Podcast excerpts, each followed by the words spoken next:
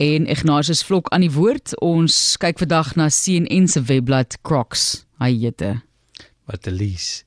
Ek ken iemand met 'n ding vir skoene. Mooi skoene. Ek dink hy sy sal groen van jaloesie wees oor Shreks nie.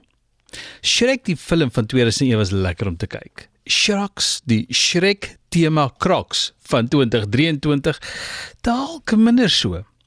Jy sou verwag so iets sou saam met die film uitkom en ek weet nou nie of dalk nou 'n Shrek 4 of 5 op pad is nie. Maar in 2018 was daar 'n petisie dat Shrek Crocs 'n werklikheid moet word. En so is dit dan. Dit was wel nou nie 'n Vrydag nie, maar op 13 September is die groen skoen met 'n paar sproete, ouger ore en neus bekend gestel. En nee, dis nie net in kindergrootes nie, maar te lees 60 dollartjies, né? So wat 1150 rand is wat die volwassenes se skoen kos.